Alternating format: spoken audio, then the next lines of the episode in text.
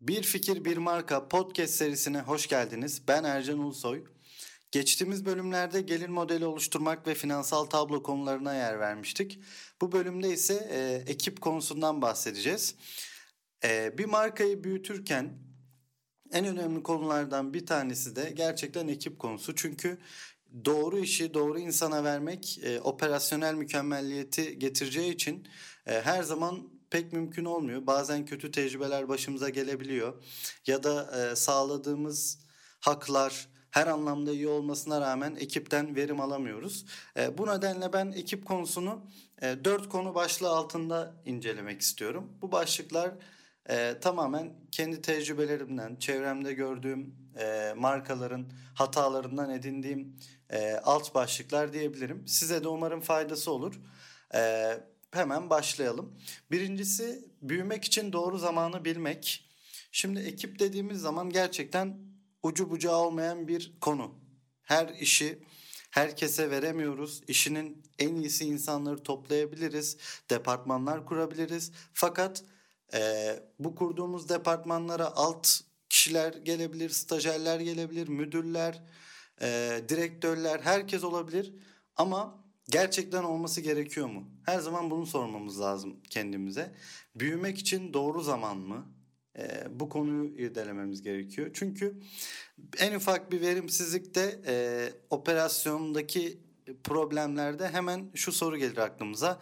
Ya bir kişiyi daha alalım, ekibe katalım, işte istihdam yapalım gibi konular hemen aklımıza gelir ama her zaman bu istihdam problemi çözmez. Genellikle problem e, süreci optimize edememekte, süreç üzerindeki iletişim kopukluklarından meydana gelen e, sorunlardan açıkçası e, operasyonun aksadığını görüyoruz. Bu, bu noktada şunu söylemek lazım. Ne zaman büyüyeceğimizi bilmek demek aslında şu demek. Ne zaman ekibi e, genişletmeliyiz? Ne zaman büyük bir ekibe sahip olmalıyız? Bu konuyu e, irdelediğimizde her zaman şunu soralım kendimize. Biz e, gerçekten mevcut ekibimizle en optimal faydayı sağlayabiliyor muyuz? Gerek iletişim anlamında gerek iş çıkarma anlamında e, en optimal faydayı alabiliyor muyuz? Bence bunu sormakta fayda var. E, ikincisi her zaman iletişimde olmak konusu. Eskiden ekiplerimizle e, şöyle bir ilişki kurabilirdik. İşte ay sonu işte ay başı maaşını alsın, işte işini yapsın gibi bir iletişim söz konusuyken artık biraz daha e, daha çok iletişim kurmamız gerektiğinin farkındayız. Ekip demek yavaş yavaş motivasyon demek. Yeni nesil şirketler bunun daha çok farkında. Ekibi kurmak, onlara iyi haklar sağlamanın yanı sıra bir de e, motivasyon anlamında da onları beslememiz gerekir.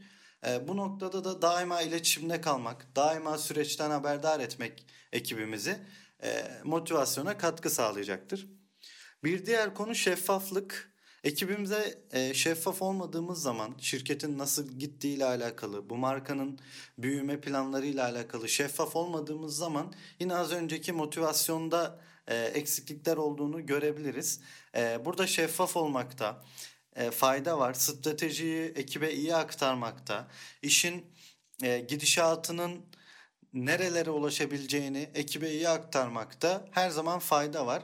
Dolayısıyla şeffaf olmak, olumlu ve olumsuz tüm durumları e, ekiple paylaşmak e, yerinde bir adım olacaktır. Çünkü dediğim gibi ekip içi motivasyon, ekibin e, motivasyondan beslenmesi tamamen e, tamamen olmasa da büyük oranda şeffaflıkla alakalı konular. Ee, bir diğer konu da ekibe sorumluluk vermek. Gerçekten insanlar artık e, yeni nesil e, şirketlerde karar alma mekanizmalarını güncelliyorlar. Çünkü onlara sorumluluk vermediğiniz zaman, e, ekibinizden sadece iş beklediğiniz zaman verimsiz bir iş ilişkisi yürütmüş oluyorsunuz. Çünkü insanlar karar vermeyince kendini ekibin bir parçası hissetmekte zorlanıyorlar. E kendini ekibin bir parçası hissetmeyen e, kişiler de Dolayısıyla verimlilik noktasında problem oluşturuyor. Bu da markanın operasyon sürecini e, olumsuz bir şekilde etkiliyor.